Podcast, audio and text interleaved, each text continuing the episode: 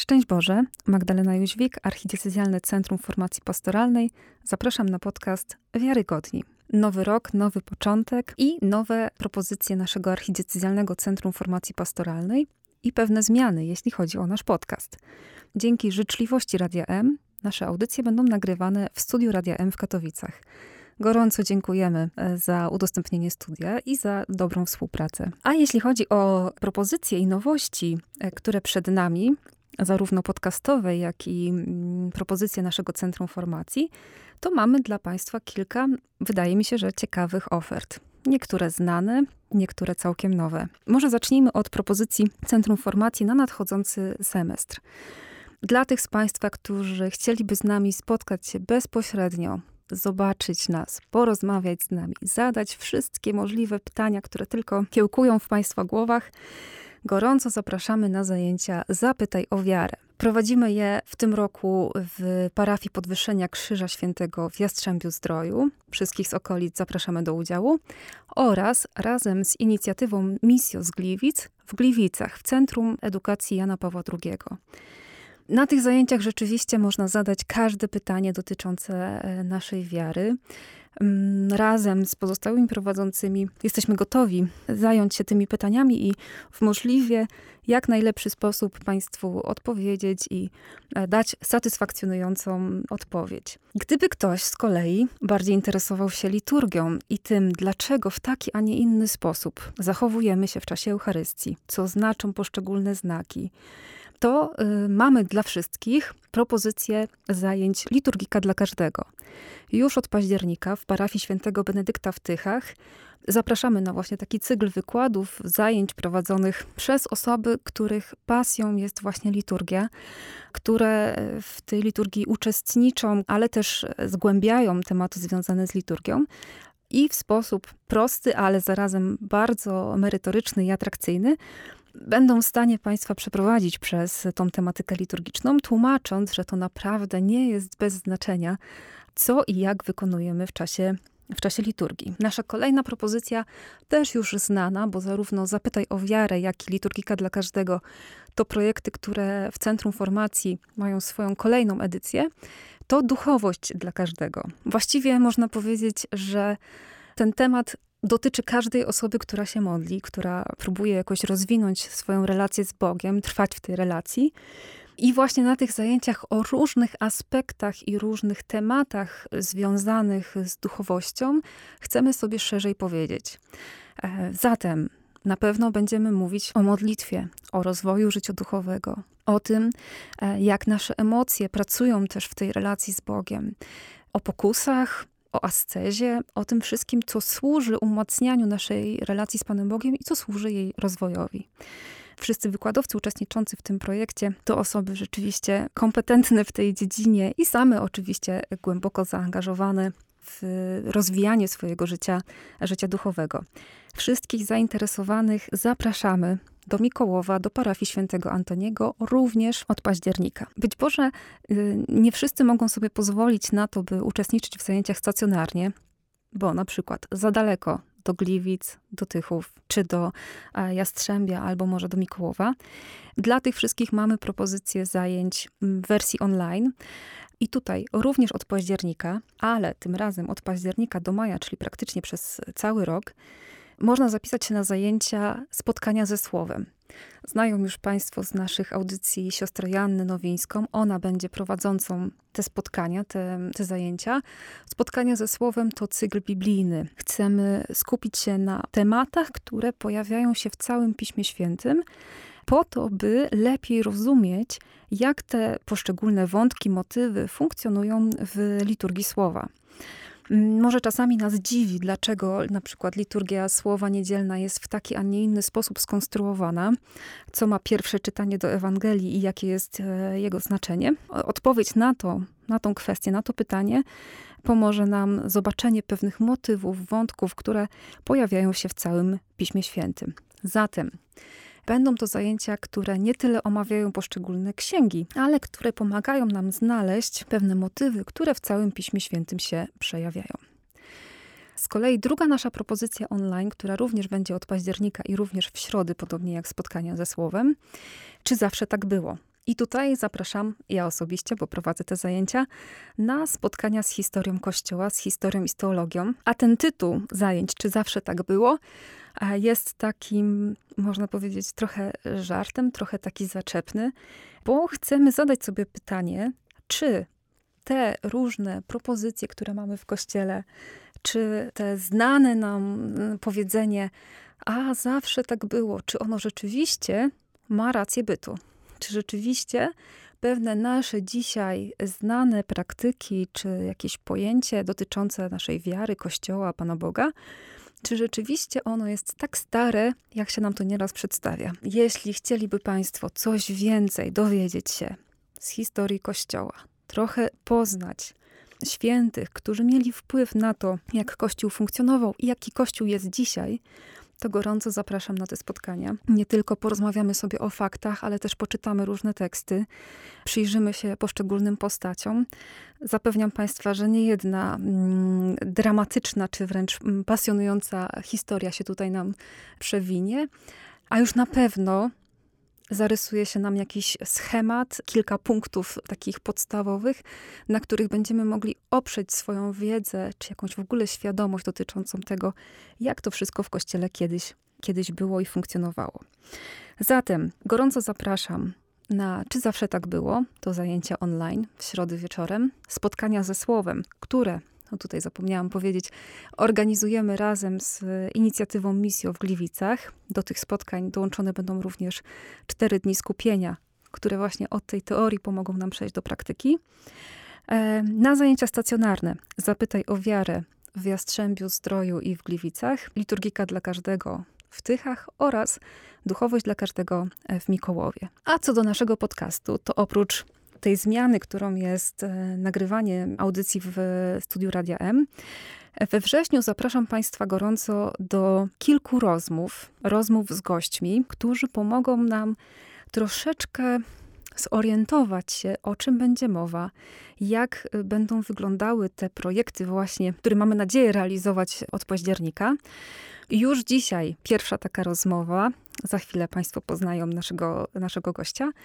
Natomiast w kolejne czwartki września pojawią się kolejne osoby, kolejni goście, którzy wprowadzą nas trochę w temat tych nowych projektów. Zapraszamy, żeby być z nami. Od października będzie nowa rozkładówka w naszym, w naszym podcaście, natomiast we wrześniu może, mogą się Państwo spodziewać za każdym razem spotkania z inną osobą, z innym gościem który podzieli się z nami właśnie swoją pracą, swoją działalnością i, i da nam pewien przedsmak tego, e, na co Państwa zapraszamy już od października. Na koniec pragnę tylko wspomnieć, że nasze Centrum Formacji utrzymuje się głównie głównie z ofiar, które składają uczestnicy za uczestnictwo w zajęciach. Gdyby ktoś z Państwa chciał wspomóc funkcjonowanie naszego Centrum Formacji, realizację kolejnych projektów, to zapraszam na naszą stronę internetową centrum.katowice.pl. Tam odnośniki do wszystkich naszych projektów oraz e, wszystkie dane, gdyby ktoś z Państwa chciał nas e, wspomóc finansowo. Moim gościem jest dzisiaj ksiądz y, dr Krzysztof Matuszewski. Szczęść Boże, witam serdecznie. Szczęść Boże, witam serdecznie.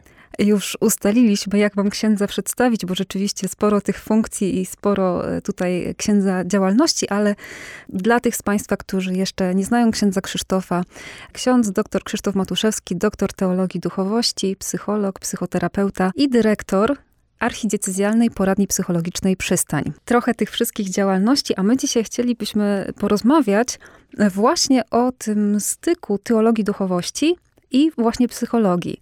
I może właśnie zacznijmy od y, takiego pytania, bo podejrzewam, że nie wszyscy nasi słuchacze księdza znają. Co było pierwsze? Duchowość czy psychologia, które tutaj z tych zainteresowań jakoś tak u księdza pierwsze było? Jak sięgam pamięcią, to chyba duchowość. Trudno mi jest dzisiaj to rozdzielić, co jest pierwsze. E, I w ramach studiów teologicznych, tych podstawowych w seminarium, choć pamiętam z tego czasu fascynację e, tą taką stroną duchowości chrześcijańskiej, jaką była tajemnica no, wcielenia Jezusa, to znaczy y, baza, jaką jest człowieczeństwo, nie? czyli ludzki wymiar chrześcijaństwa. Więc to gdzieś jakoś zawsze tam mi towarzyszyło i trochę urzekało. Nie? Z tego nawet pisałem e, pracę magisterską o Ireneuszu z Lyonu, niejakim, e, który tak mocno akcentował prawdę o wcieleniu Chrystusa, nie? że Bóg w ciele i krwi, a więc ten element e, ludzki, przez który Pan Bóg się objawia, jest bardzo ważny. Więc trochę w tą stronę widać mnie ciągnęło, niż jakieś takie uciekanie, jak to powiem, na obłoki wśród aniołów i tak dalej. Co nie znaczy, że ten element nie jest mi też bliski. E, później tak historycznie e, miałem okazję być też we wspólnocie e, Focolare, to był taki roczny epizod włoski, a następnie no, trafiam na parafię, gdzie działa Centrum Duchowości Ruchu Światło Życie w Tychach, więc jest sporo duchowości. I tam się trochę tak zaczęło, jest sporo duchowości, ale też sporo rozeznawania między problemami natury psychicznej, czyli różnymi zranieniami, a no właśnie tym, tym elementem duchowym, gdzie doświadczenie duchowe miesza się no, z doświadczeniem ludzkim, a w zasadzie jest jednym doświadczeniem człowieka, nie? w takim kluczu. I wtedy pierwszy raz, pamiętam, sięgnąłem po książki z psychologii klinicznej. Okay. Zdziwiony, e, no właśnie z takim pytaniem, czy to diabeł, czy to nerwica podkreślając, e, że wierzę w jedno i drugie. W sensie takie nie, i w działanie zła osobowego, w tajemnicę tego, ale równocześnie w dolegliwości natury psychicznej. Sięgając po to, gdzie miałem brać udział w rozeznawaniu przypadków, spotykam się z morzem wiedzy, którą, którą wtedy w zasadzie liznąłem. Później odłożyłem te książki, te dwa podręczniki e, pani profesor Senkowej, wydawnictwa PWN na półkę. Mówię, po co ja to w ogóle kupiłem? A trzy lata po tym jakoś się tak zbiegło, że dostałem propozycję e, ze strony biskupa studiów psychologicznych i doktoratu ze studiów e, teologicznych, z teologii duchowości. No i tak się zaczęło.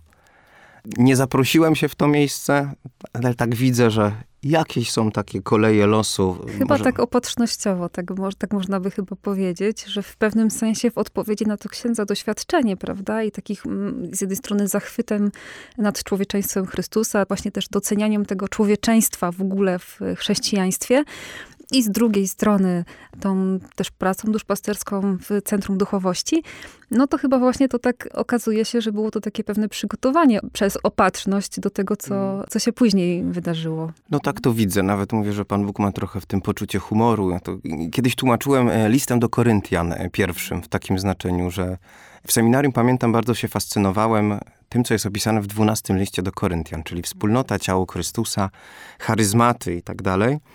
Mm, czyli takim, nazwijmy to, bogatym doświadczeniem duchowym. Później wpadłem na pomysł, też mi zaproponowano, to chodzi o Szkołę Duchowości Ruchu Focolare, gdzie temat charyzmatów, temat charyzmatyczności zszedł na ziemię i zaproponowano, żyjemy przekazaniem miłości wzajemnej. Mhm. Tu są obowiązki, tu jest szmata, tu jest spotkanie Pana Boga w tym wszystkim. I to mi się kojarzy z 12 rozdziałem listu do Koryntian pierwszego, 13. czyli z 13, dziękuję. tak, czyli z hymnem o miłości. Choćbym tam prorokował, to to bez miłości to, to nie działa.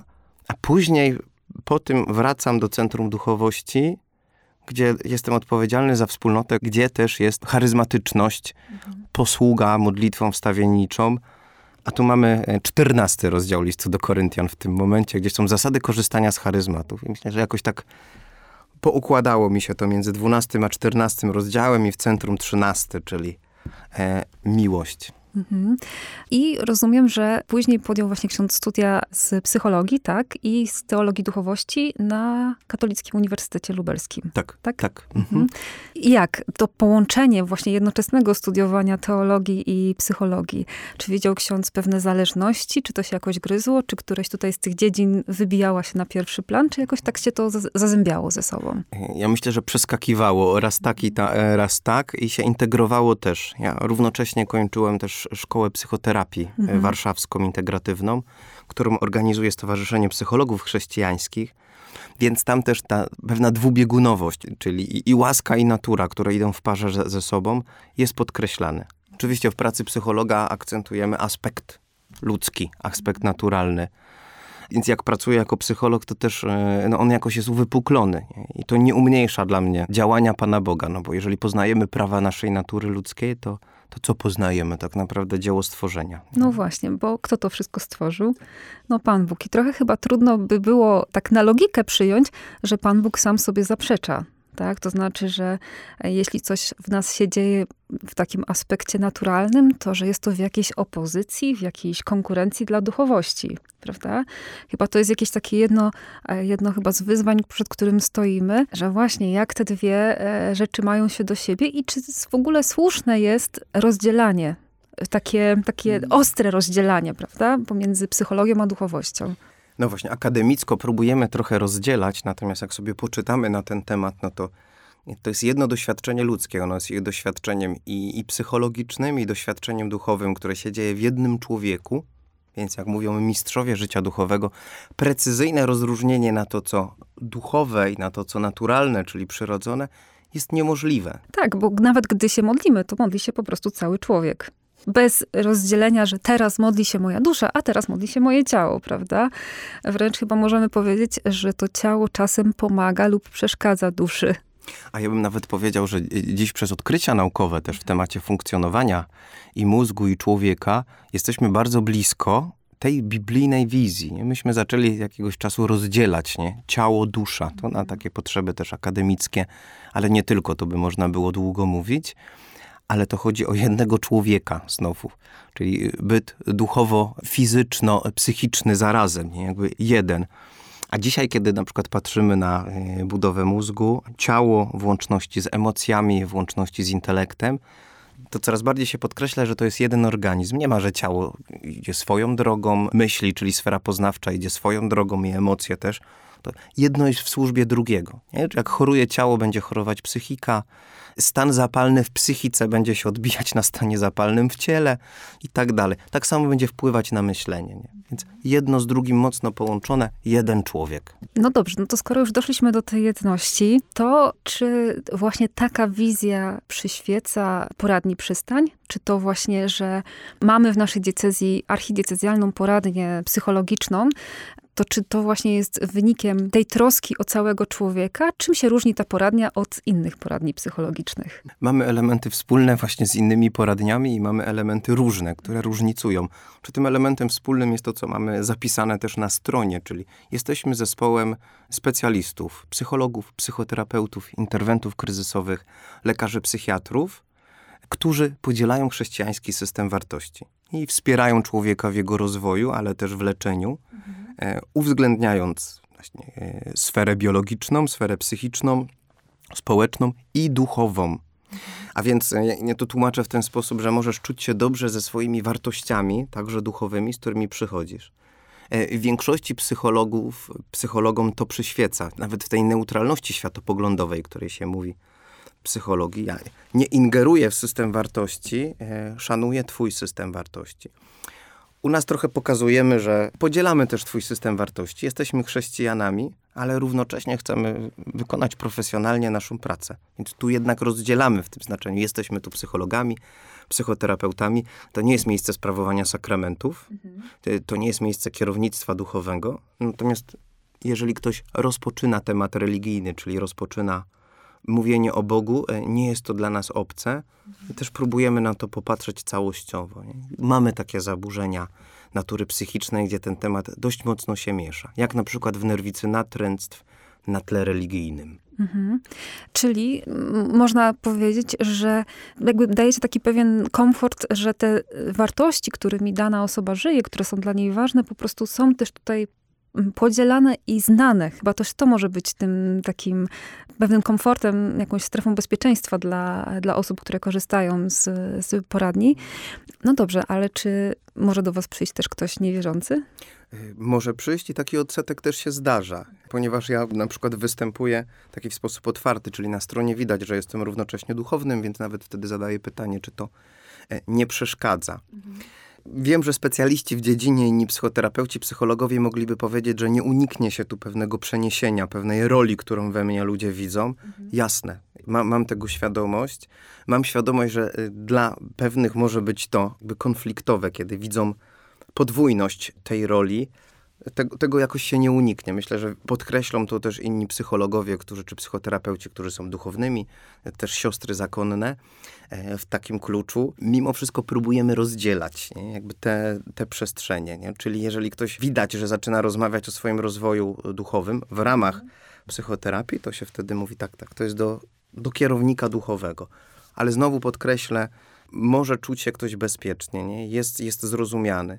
Ja myślę, że w temacie jest dużo lęku też. Z różnych, z różnych stron, nie? Gdzie spora część ludzi wierzących boi się pójść do psychologa, psychoterapeuty, że mu zabierze jego system wartości. Nie? I jakieś podają później takie poszczególne przypadki tego. Ja trochę staję w obronie profesjonalnych psychoterapeutów, psychologów, nie tylko chrześcijańskich, że nie, jeżeli będziesz dbać o swój ludzki rozwój, to będzie zawsze w służbie też twojego życia duchowego. Więc jeżeli masz kompetentnego psychoterapeutę, psychologa, to on nie będzie tobie szkodzić. Natomiast jasne, pojawiają się, trudno mi jest tutaj podać statystycznie przypadki, kiedy ktoś komuś um, przekroczył granicę, czyli no, zainterweniował w jego system wartości, powiedział, widzisz, Kościół cię uczy takich rzeczy, daj sobie z tym spokój. Mhm. Chyba też pytanie jest takie, czy to była ingerencja w system wartości, czy w sposób interpretacji tego systemu wartości? No, w sposób interpretacji, natomiast no, mamy do czynienia z różnymi nie? jakby osobami, które e, jeden jest w tym e, chwiejny, drugi jest pewny, ale jeżeli ktoś ma kruchą swoją tożsamość, to mimo wszystko, kiedy mówi do niego autorytet, to, to może sporo pozmieniać, nie? Więc takie zdanie w stylu daj sobie z tym spokój. I tu jest chyba ta różnica, nie? Czyli kiedy widzimy zaburzenia w obszarze życia religijnego, kiedy widzimy zaburzenia w obszarze także życia duchowego i wiemy, że to ma związek z, z psychiką, e, to pokazujemy nieprawidłowość, ale równocześnie zobacz, nie, jakby to, to po katolicku, po chrześcijańsku jednak nie jest do końca tak. Ty przeakcentowujesz, nie? I tu jest, ktoś się czuje bezpieczniej, kiedy usłyszy wyolbrzymiasz, to jest skrupuł, to nie jest grzech nie, w tym mhm. wszystkim. Chyba bezpieczniej to brzmi ze strony specjalisty, który podziela ten sam system wartości. Nie? Tu się pojawia osobną sprawą jest tak zwana neutralność światopoglądowa, o której się mówi w psychoterapii, psychologii, e, zwłaszcza w niektórych nurtach. Próbujemy zawiesić, e, ktoś nie widział e, naszego systemu wartości. U, u psychologa Znowu druga strona powie, e, to nie do końca jest możliwe. Zawsze ten psycholog, psychoterapeuta czy ktokolwiek system wartości ma. Jakiś, nie? On gdzieś tam mu będzie wybijał. Nie? I tu, tu bardzo lubię przykład swojego profesora Piotra Olesia z Kulu z e, psychologii osobowości, który mówi, e, nie unikniemy tak zwanego przeniesienia, czyli nie, projekcji też jako specjaliści swoich na. Mhm. I podawał taki przykład psychoterapeuta, który szczęśliwie poradził sobie ze swoim kryzysem małżeńskim i go przeżył i finalnie e, jest dalej w szczęśliwym małżeństwie, siłą rzeczy. Kiedy będzie drugiemu pomagał w kryzysie, jakoś będzie próbował mniej lub bardziej świadomie ratować. A ten, który przeżył swój kryzys, który skończył się rozwodem i to dla niego było w jego odbiorze konstruktywne rozwiązanie, siłą rzeczy widzi, że to też jest alternatywa. Nie? Dlatego tutaj no, profesjonalizm polega na znać swoje osobiste wątki mówimy tutaj o specjaliście, i wiedzieć też, że się przenosi swoje. Nie da się tego uniknąć, bo jak rozmawiamy o psychoterapii, w ogóle o pomocy psychologicznej, no to rozmawiamy o rozmowie dwóch osób. I to jest, to jest rodzaj relacji, a po jakimś czasie rodzaj więzi nawet. No. Nie da się wziąć w nawias nie? siebie, swojej osobowości, a przez to też swojego systemu wartości. Nie? I to pokazuje, że to jest złożony temat neutralności światopoglądowej, swoich wartości. Jest tutaj sporo zamieszania y, w temacie też i, i dużo lęku, może niepotrzebnego też. Mhm. Jak tak księdza słucham, to po pierwsze przypominają mi się pytania, wątpliwości, właśnie te lęki, osób, które szukały czy właśnie psychologa, czy terapeuty, czy psychiatry też. I często, kiedy właśnie rozmawiałam z nimi, słyszałam taką prośbę, wręcz takie poszukiwanie, żeby to był ktoś chrześcijański, żeby to był psycholog, terapeuta chrześcijański, psychiatra też chrześcijański. I właśnie chyba ten lęk przed um, właśnie takim jakimś zachwianiem na tym poziomie systemu wartości rzeczywiście daje się mocno zauważyć wśród, y, wśród wielu osób. I to, o czym też ksiądz wspomniał, co jakoś też mnie tutaj zaintrygowało, to kwestia tego, że jednak kiedy ktoś udaje się do terapeuty, czy właśnie korzysta z pomocy psychologa, to no, jako ta osoba, która oczekuje pomocy, jakoś tak ufa i daje się poprowadzić w jakimś sensie. Chyba tak to można, mhm. chyba można powiedzieć. I chyba czasami mam takie wrażenie, oczekuje się takiej pewnej niezawodności, no, profesjonalnej, to oczywiste, ale też takiego właśnie no, bycia pewnym takim no, profesjonalnym, ale z drugiej strony jakoś takim obiektywnym. To, to jest to słowo. A tutaj ksiądz pokazuje, że jednak zawsze ten terapeuta czy psycholog jest jednak człowiekiem, prawda? Więc to chyba też myślę, że dobrze mieć tego zawsze świadomość. Tak, że tak. to nie terapeuta rozwiązuje nasze problemy. Że terapia też nie jest takim właśnie. magicznym sposobem, że pójdziesz na terapię i wszystko będzie w porządku. Że chyba to trochę, trochę inaczej działa. Tak mi się To- to kojarzy. Tak samo, znaczy, my mamy taką naturę, jeżeli jesteśmy bardziej zależni tak, nie, i podatni, no to niech ktoś za nas wykona robotę. Nie? I to samo dotyczy, Panie Boże, Ty się tym zajmij w znaczeniu wyręcz mnie, bo Ty potrafisz. I, I to samo jest w obszarze psychoterapii też, nie? że tu jest jakiś magik, e, który mi ponaprawia emocje. A jak sobie zajrzymy do badań, jeżeli chodzi o zaangażowanie w psychoterapię, to się okazuje, że 20% zależy od psychoterapeuty, jeżeli chodzi o postęp w procesie. Powiemy, to jest bardzo i, i mało, i nie mało, bo to jednak jest te 20%, e, to jest sporo, jeżeli chodzi o danie kierunku, jeżeli chodzi o wsparcie, korekcję, jak to się mówi. Natomiast no to zmotywowany ma być ten, kto przychodzi, nie? I mu się powie, to on chce pracować nad sobą, nie? On chce zmienić na przykład swój sposób funkcjonowania. Nie? To, to w ten sposób działa. A te 20%, co się składa na te 20%? Kiedy właśnie można powiedzieć, że mamy do czynienia z takim idealnym terapeutą? Jak mamy idealnego, to mamy problem. Ja mówię, wystarczy, wystarczająco dobry. Niech on będzie okej. wystarczająco dobry. To znaczy, ja mówię, on ma być profesjonalny, czyli mówi się, ma się, ma się znać, ma mieć wiedzę y, w swoim zakresie. No to mówimy o, o zakres wiedzy psychologicznej i o zaburzeniu. To będzie ważne. Równocześnie ma mieć umiejętności. No i tu umiejętności już y, wiążą się nie tylko z posługiwaniem się technikami, ale z osobowością. Bo to taki specyficzny rodzaj pracy. Zresztą w ogóle jak zawsze się człowiek z człowiekiem spotyka, nie? że to nie jest kwestia technik, ale jednak spotkanie osoby z osobą. I, I to jest zbadane, że czynnikiem leczącym podstawowym w psychoterapii e, jest relacja. Jest relacja między, czyli siła tej relacji będzie proporcjonalna do tego, na ile ktoś się otworzy na wsparcie nie? i tak dalej. Mm, Więc tu można by długo, długo mówić, bo jeżeli mamy na przykład o kimś ze spektrum zaburzeń osobowości, gdzie mamy jednak problem właśnie podstawowy z budowaniem więzi, to żeby zbudować z nim więź, także terapeutyczną, e, potrzeba roku, a czasami nawet, mogę kogoś zdziwić w tym momencie, lat. Że to się, jak myślimy w taki automatyzm i pstryk, oj, to jesteśmy właśnie trochę w takim myśleniu magicznym. Chcielibyśmy takiej terapii cud, y, natomiast praca na osobowości, na wzorcach, które zostały utrwalone w dzieciństwie, jest rozłożona w czasie. Więc e, drugą rzeczą, tak jak mówię, obok wiedzy będą te umiejętności i doświadczenie. I to jest też bardzo ciekawe, że jedno, drugie i trzecie jest, jest potrzebne w tym wszystkim. I to, to się składa na te 20%. Nie? Czy w takim razie można powiedzieć, że po przejściu psychoterapii możemy jakby doświadczyć pewnej zmiany w nas? To jest mówienie o zmienianiu siebie, bo trochę, trochę funkcjonujemy, tak mi się wydaje, jeszcze w takim myśleniu, że no jak się jest młodym, to się można zmienić, a jak się jest już im starszym, tym trudniej. I czy to prawda? Czy rzeczywiście, gdzie są te granice? Czy my się możemy do końca życia zmieniać? Jak to wygląda tak z takiej perspektywy psychologicznej? E, Z perspektywy psychologii rozwojowej, właśnie i psychologii tak zwanego biegu życia, tak, cały czas się rozwijamy, jesteśmy bytem w rozwoju, a zresztą z perspektywy teologii też. Tym bardziej, prawda? Jesteśmy nieukształtowanym bytem, który cały czas się rozwija. Oczywiście okres wczesny e, jest jak najbardziej krytyczny i najważniejszy, bo tam są te bazowe rzeczy, bazowe wzorce, pierwsze wdrukowania. Więc tam będzie baza. E, Modyfikacja tego, tego podstawowego wzorca osobowości wraz z wiekiem będzie coraz trudniejsza. To prawda, tak? Więc czymś innym jest, kimś innym będzie dwudziestokilkulatek, który zgłasza się na psychoterapię, gdzie jego mechanizmy są jeszcze tak nie usztywnione.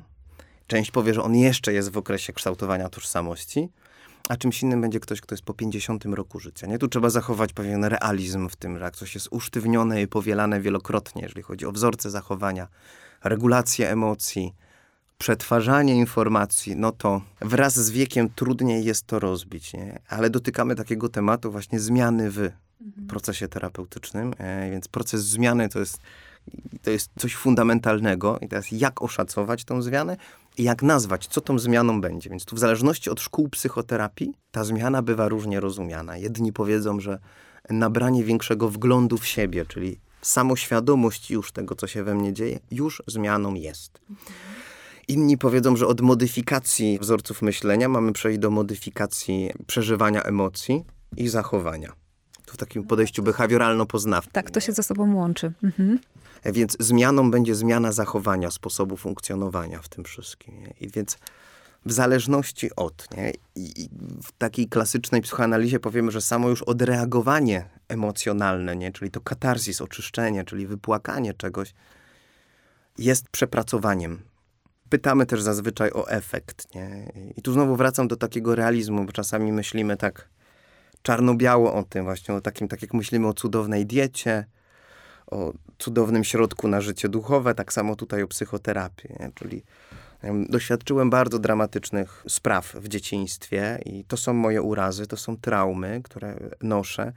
Pracuję nad nimi, ale raczej jest mało możliwe, że te skutki i blizny znikną całkowicie.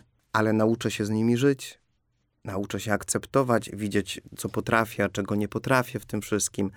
Siła emocji przeżywanych wtedy będzie mniejsza, nie tak, nie tak dramatyczna, ale to nie znaczy, że to wszystko zniknie, nie? To jest tak jak po, po wypadku e, wojennym. Więc sporo realizmu też jest dobrze włączyć w myślenie o psychoterapii. Mhm.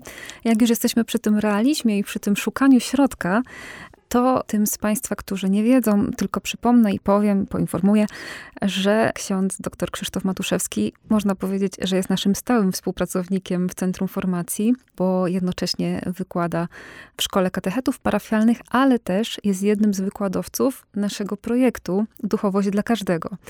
Kolejna edycja, jak już wspominałam, już od października w Mikołowie. E, I właśnie do tej duchowości dla każdego chciałabym teraz trochę nawiązać, ponieważ no właściwie razem konsultowaliśmy ten projekt, razem w nim uczestniczymy. E, I zrodził się ten projekt też z naszych takich różnych rozmów, tak, dotyczących kościoła, wspólnot, obecnej sytuacji, mhm. jeśli chodzi o e, życie duchowe wiernych.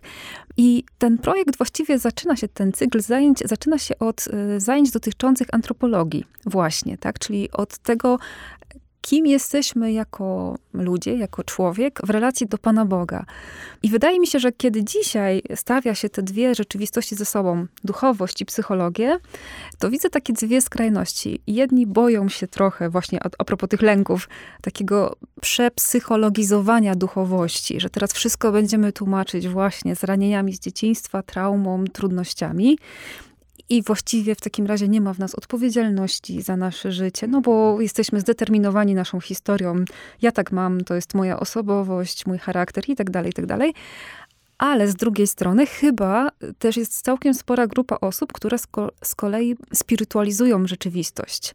Wręcz w taki no, bardzo ostry sposób, że właśnie nie biorą pod uwagę uwarunkowań psychologicznych i gdzie się tylko da, widzą Pana Boga, Jego działanie, działanie złego ducha. No to, mm, ja, ja to nazywam często takim chrześcijaństwem na wysokim C, że nie ma żadnej innej nuty, tylko ciągle takie, takie wysokie C.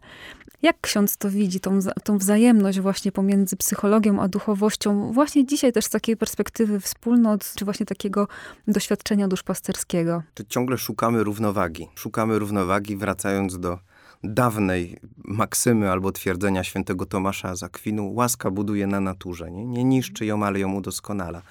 To oznacza, że to, co nazywamy naturą ludzką, bierzemy pod uwagę mózg ludzki w tym wypadku też, e, prawa przyrody, e, nie jest brane w nawias. I na poziomie teorii trochę to rozumiemy, ale kiedy później przychodzi do praktyki, to właśnie w doświadczeniu to się zaczyna nam mieszać. Nie? Czyli do czego zmierzam, że kiedy rozmawiamy o, o psychice, kiedy rozmawiamy o mózgu, tak samo jak o chorobach fizycznych, to rozmawiamy ciągle o dziele stworzenia, więc można na to popatrzeć z perspektywy Bożej. Nie? Więc nawet się to pięknie nazywa w teologii łaska stworzenia w tym wszystkim. I, i dlatego wykorzystanie ludzkich środków, nie wiem, w służbie drugiemu, w pomocy, jak na, najbardziej jest drogą Bożą. Mhm. Co powie tutaj tradycja chrześcijańska, że w naszej tej naturze ludzkiej jest jednak pęknięcie, nie? To są skutki grzechu, które w sobie nosimy i rzeczywiście ta natura ludzka jest kulawa, więc Pan Bóg dał program naprawczy, nie? Tu mamy całą łaskę nadprzyrodzoną i dzieło Jezusa, nie? Mhm. Czyli łaska współpracująca z naturą, nie? I Teraz moglibyśmy długo rozmawiać na tematy i, i błędów teologicznych, kiedy przeakcentowywana jest jedna lub druga, druga strona, czyli kiedy mówimy, że tylko łaska, w takim znaczeniu na sposób duchowy, rzeczywiście zaczynamy się zwalniać z odpowiedzialności. Mhm. Czyli kiedy ktoś taki nieautonomiczny, nie mający swojego zdania mówi, Jezu, ty się tym zajmij, to się by trzeba zastanowić, co Pan Jezus na to. Nie? Teraz nie chcę wypowiadać się w imieniu Pana Jezusa, e, natomiast no, jeżeli ktoś jest taki, kto nie wie, jak decydować, e, bierze tą modlitwę do ręki, to raczej odpowiedź dla niego byłaby tak, ja, ja cię będę wspierał, ale ucz się stawać na własne nogi. Masz moc decydowania w tym wszystkim, bierz odpowiedzialność za swoje życie, zastanów się, czego chcesz. Więc ta modlitwa jest dla takich nieautonomicznych niekoniecznie. Nie? Ale tutaj zatrzymałabym się na chwilkę na tym, e, na tym wątku, bo czasami chyba trochę osoby o takim właśnie wrażliwym sumieniu, czy właśnie jakieś takie zaangażowane bardziej duchowo, no, widzą to jako taki dowód takiego głębokiego zaufania, że właśnie jeżeli by coś zrobiły, podjęły, to byłoby to jakoś w sprzeczności wobec tego zaufania Panu Bogu. I chyba to jest takie podkręcające atrakcyjność tej modlitwy właśnie, tak? Że Jezu, Ty się tym zajmij, a jeżeli ja się w to zaangażuję, to to będzie takie moje, a przecież to nie może być moje. No właśnie, więc proszę sobie zajrzeć do tego tekstu tej między innymi modlitwy, czy tych słów, gdzie ona jest dość mocno skierowana albo dedykowana tym, którzy nadmiernie mhm. zamartwiają się, nadmiernie chcą być odpowiedzialni, nadmiernie chcą brać sprawę w swoje ręce. I to jest zaproszenie puść. Nie jesteś zbawicielem swojego domu, swojego świata, więc ta modlitwa szczególnie dedyktowana jest wszystkim Zosią Samosią, e, wszystkim takim, którzy chcą być bohaterami rodzinnymi i, i po kolei takimi mesjaszami swojego domu. Ten, więc tu jest to puść, bo nie masz na wszystko wpływu. Odróżniaj rzeczy, na które masz wpływ, od tych, na które nie masz wpływu. Ale wróćmy do tych, którzy nie chcą się ruszyć z łóżka, Jaka dla nich modlitwa? No więc właśnie, Jezu, e, daj mi tę moc, nie? Jakby pomóż mi doświadczyć, że ja potrafię, że dałeś mi ręce i nogi i biorę się do roboty. To jest to, co ja na szkole katechetów próbuję tłumaczyć między e, pelagianizmem, czyli błędem Pelagiusza, który e, mocno akcentował tą stronę wolontarystyczną, czyli mój wysiłek, a trochę teologią Augustyna, łaska, łaska, nie? I to świętej pamięci, też to powtarzam na szkole katechetów, e, Wincenty Myszor, profesor historii Kościoła, patrolog, to on miał swoją psychologiczną teorię tak na to. Ja sobie wyobrażam to w ten sposób, że jeden i drugi miał rację, ale co innego akcentował. To znaczy Pelagiusz e, to był chłop jak dąb, tak to powtarzał. Budził się rano, pełny siły i mówi, Jezu, dla ciebie narąbię kolejną mm, porcję drewna, to i to posprzątam. Miał wigor w sobie. Nie? I to trochę oddziaływało na jego rozumienie teologii w tym wszystkim, nie? Czyli Jezus dał mi tę moc, dam radę. A znowu Augustyn to był takiego bardziej herlawego zdrowia. Taki słabiutki, trochę taki depresyjny. Budził się rano i ja nie mam na nic siły, nie? Tylko Twoja łaska, Jezu, mnie dźwignie w tym wszystkim. E, proszę zobaczyć, e, to, do czego też zmierzam, że zawsze to, to moje doświadczenie duchowe i wnioski teologiczne trochę wynikają y, z bazy osobowej, tego tu Pelagiusza, tu Augustyna, czy jeszcze innych. Na szczęście my później wyciągamy wnioski ogólne, patrząc na całość, nie, nie na jednego świętego, nie na jednego teologa w tym wszystkim, a wpadamy w skrajności nie, w tym wszystkim. I myślę, że współcześnie będziemy wpadać też w te skrajności, bo jest dość duża polaryzacja też, jeżeli chodzi o, o to, co się dzieje, jeżeli chodzi o przemiany społeczne. Tu mieliśmy pandemię, tu mamy wojnę. Więc jedni lękowi będą szli, że my musimy działać, musimy kontrolować to w, w, tym, w tym wszystko i tu będzie takie też wiara w moc psychologii w takim znaczeniu jeszcze się zabezpieczyć, jeszcze co zrobić, jeszcze te badania, jeszcze po kolei, nie? W tym wszystkim. Mówię o nadmiarowości. Mhm. Aż po takich, i to też będzie lękowe, które nie, my nie mamy na nic, e, nie mamy na nic wpływu, tylko nas modlitwa ocali w tym wszystkim. Nie? A jak sobie popatrzymy na i tradycję Kościoła, jak sobie otworzymy Biblię, to to sprzężenie między ludzkim wysiłkiem a Bożym działaniem było widoczne. Nie? I to jest też mój ulubiony przykład, jeżeli chodzi o walkę Amalekitów z Żydami, z Hebrajczykami, gdzie Mojżesz modli się wstawienniczo, ma ręce podniesione do góry. Ten fragment jest o tym, że jak ręce były podniesione do góry Mojżesza, to zwyciężał Izraelita, Jak mu opadały, to zwyciężał Amalekita. Teraz moglibyśmy zadać pytanie, od czego zależało zwycięstwo w tej walce, że wygrali Izraelici? Od Bożej interwencji. Ten fragment nas o tym uczy. Od Bożego wstawiennictwa, czyli łaska Boża ma pierwszeństwo. Ale, co się okazuje, tam jest to ale. Izraelici naprawdę walczyli. Tam byli wyszkoleni żołnierze, czyli tam była prawdziwa walka. Oni nie udawali, to nie była kosmetyka. Czyli ludzkie zaangażowanie było w pełni. Równocześnie wierzyliśmy w Bożą interwencję. Nie? W tym. Myślenie na sposób duchowy, spirytualistyczny będzie polegać na tym, że no, to kładziemy się i czekamy. E, niech spadnie grat e, z nieba i zabije naszego wroga, nie? a nas ocali w takim. Nie? Albo niech się nam wyleczy, niech się rozwiąże. Nie? Jakby Pan Bóg ma, ma, ma moc tego. Nie? Ale chyba jeszcze niebezpieczne jest też to, że e, kiedy nie doświadczamy tych efektów, kiedy nie rozwiązują się te nasze sprawy, mimo naszej wiary, mimo tego, że właśnie nic nie robimy, żeby Pan Bóg zadziałał, no trochę przerysowuję, ale specjalnie, żeby to podkreślić, to mam wrażenie, że czasami to się jeszcze bardziej nakręca. Więc w takim razie my jeszcze bardziej jakby zostawiajmy to w rękach Boga, tak? Bo w takim razie yy, no, musimy zrobić więcej miejsca właśnie dla tej, dla tej Bożej interwencji. A kiedy ksiądz mówił o tym przykładzie z Amalekitami, to ja sobie pomyślałam bardziej też o tym Mojżeszu, że on jednak te ręce podnosił i jednak je opuszczał. Zdecydowanie. Dlatego Słowo Boże przekonuje nas do tego, że Boża interwencja istnieje, że Pan Bóg wspiera. Tak? Święty Paweł zapisze, że Bóg z tymi, którzy Go miłują, współdziała we wszystkim dla ich dobra. Czyli mamy realne współdziałanie Pana Boga, wspieranie w drodze do zbawienia, a jakoś właśnie przez moje skrzywienie zawodowe podkreślam, że to mnie nie zwalnia z wysiłku i z roboty, nie? Czyli mamę, która się modli o zdrowie dla swojego dziecka i gorliwie prosząc, równocześnie jej obowiązkiem jest zawieźć go do lekarza. Dokładnie. Mhm. Powiedzieliśmy o tym, chyba bardziej o tej, tej spirytualizacji rzeczy, rzeczywistości, bo rzeczywiście też ją dość e, widać w różnych grupach czy w wypowiedziach wielu osób. A czy są takie środowiska, w których szczególnie zarzuca się stosowaniu narzędzi psychologicznych, że w takim razie będzie psychologizować duchowość, że już właśnie nie będzie tego miejsca na łaskę, tylko właśnie my wszystko sobie sami naturalnymi narzędziami zrobimy.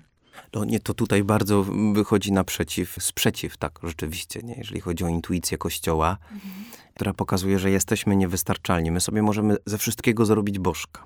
Mhm. Tym wszystkim z pieniądza możemy zrobić z bożka, nie? z naszych zdolności intelektualnych, a także właśnie zrozumienia mechanizmów psychologicznych w tym wszystkim, nie? gdzie e, jest tutaj jakaś na przykład władza nad człowiekiem, wpływ i tak dalej. Aha, to wynika z takiego i takiego mechanizmu. Jest, jest jakieś ryzyko dla zaczytanych w psychologię zdecydowanie, żeby zobaczyć, aha, no właśnie, tutaj chodzi o to i o to. Nie? Nawet mamy teorie psychoanalityczne, yy, mamy teorię relacji z obiektem, nie? gdzie Pan Bóg jest też przeżywany jako relacja, ale czy on jest realny, prawdziwy, czy on jest prawdziwy, to jest nieistotne. Tak to Bóg przeżywa, więc możemy zajmować się z perspektywy psychologicznej relacją z Panem Bogiem. Czy on jest, czy go nie ma. Nie wiem, mózg go przeżywa jakby był. I, I, w mhm. takim znaczeniu. Tu ciągle jesteśmy, a część z nas powie, no nie, mnie interesuje prawda. Mhm. Czy on rzeczywiście jest. Nie? I tutaj właśnie na straży stoi teologia i taka myśl chrześcijańska, moment, moment, nie? Jakby psychologia nie opisze wszystkiego, nie? Przejawy może opisać, nie? Ludzkiego zachowania, tego, co jest widzialne, mierzalne, ale tutaj nie, nie uchwyci. Ani jeden, myślę, zachłyśnięty psychologią do tego to sprowadzi. E, kłania się książka e, Jezus najlepszy z terapeutów albo najlepszy z psychologów, w zależności od tłumaczenia, gdzie autor na wstępie Zresztą znana postać, gdzie autor na wstępie zaczyna od tego, że w Ewangelii jest mnóstwo prawideł psychologicznych opisanych i możecie to wziąć, bo Jezus był rzeczywiście geniuszem, jeżeli chodzi o psychologię, ale mówił to innym językiem wtedy. Mhm. I kończy wstęp ta, takim stwierdzeniem, że odnajdą się w, tej, w treści tej książki i wierzący, i niewierzący. Mhm. Bo dla niewierzących to też będzie jakaś mądrość życia, którą mają od Jezusa, a wierzący też tą mądrość przyjmują, równocześnie uznając go za Mesjasza, Zbawiciela. No i tu, tu pojawia się sprzeciw tego, który spotkał, powiemy, Jezusa zmartwychwstałego, jako, jako realną osobę, że to jest za mało w tym wszystkim, ale równocześnie czemu się nam obrażać na to, jeżeli weźmiemy sobie e, taki rodzaj interpretacji Ewangelii, gdzie przykładowo e, kiedy mowa o wewnętrznie skłóconym domu, który się rozpada, to jest ten fragment, gdzie Jezusowi zarzucają, że ma Belzebuba.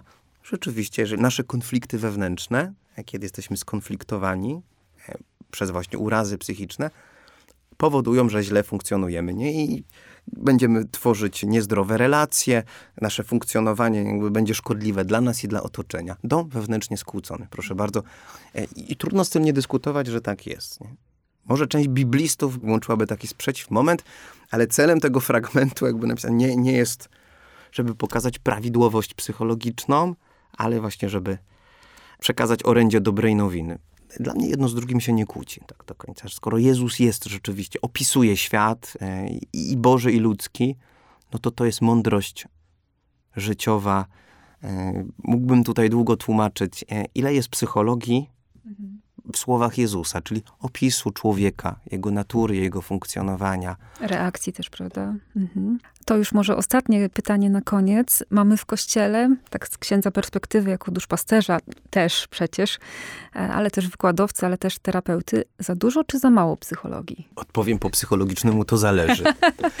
zależy gdzie. Okej. Okay. No to pociągnijmy chwilkę. Zależy w jakiej grupie, w jakich nurtach, nie? w tym wszystkim. I że myślę, że są takie, takie przestrzenie, gdzie jest za dużo, za bardzo uwierzono. Na przykład. A za bardzo uwierzono w to. Może to są niektóre modele formacyjne też, nie? Zakonne, seminaryjne. To nie chodzi o to, bo tu dopiero to wchodzi, nie? Ale gdzie no, panaceum na wszelkie nieprawidłowości rozwiązaniem jest skuteczna psychoterapia nie? i diagnoza psychologiczna. Mhm. Nie, to jest za mało mhm. bo jesteśmy zdecydowanie bardziej złożeni, większą tajemnicą. A nawet może to być na takiej zasadzie, że no, zwalniamy się z odpowiedzialności jako wychowawcy, jako, bo, bo psychologia wszystko załatwi, tak? Jakby mhm. pokaże. Więc tu, tu, tu byłyby takie skrajności w tym wszystkim. Z kolei znowu tam, gdzie jest ten strach przed, nie? że zabierzecie nam Jezusa, w tym wszystkim próbuje się bardziej na sposób duchowy. Są to różne grupy, niektóre tradycjonalistyczne, mhm. chociaż nie tylko, charyzmatyczne też, gdzie y, próbuje się wszystko interpretować na sposób duchowy, e, no i właśnie widzieć tak palec Boży dosłownie w każdej rzeczy, już wpadając w taką skrajność, że popsuł się nam sprzęt w domu, spłuczka nie działa, ja usłyszałem, demon nam zaatak zaatakował spłuczkę.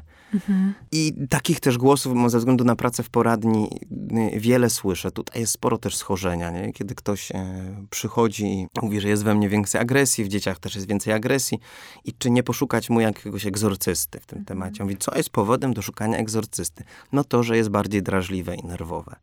Mówię, skąd takie wnioskowanie, że nerwowość i drażliwość równa się demon? No tu chyba trochę zdemonizowaliśmy, e, że idziemy w takim kierunku i to też będzie zwycięstwo złego.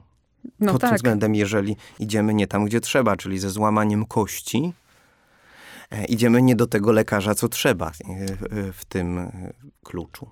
Mhm. Wyszło tutaj w naszej rozmowie, że powinniśmy zawsze jednak ciągnąć do środka, tak? Czyli jakiś właśnie środek e, znajdować. Nie chodzi tutaj o, o taką połowiczność, ale właśnie o taki zdrowy środek, tak? Że jednocześnie prowadzimy życie duchowe i jednocześnie jesteśmy ludźmi, którzy to życie duchowe przeżywają.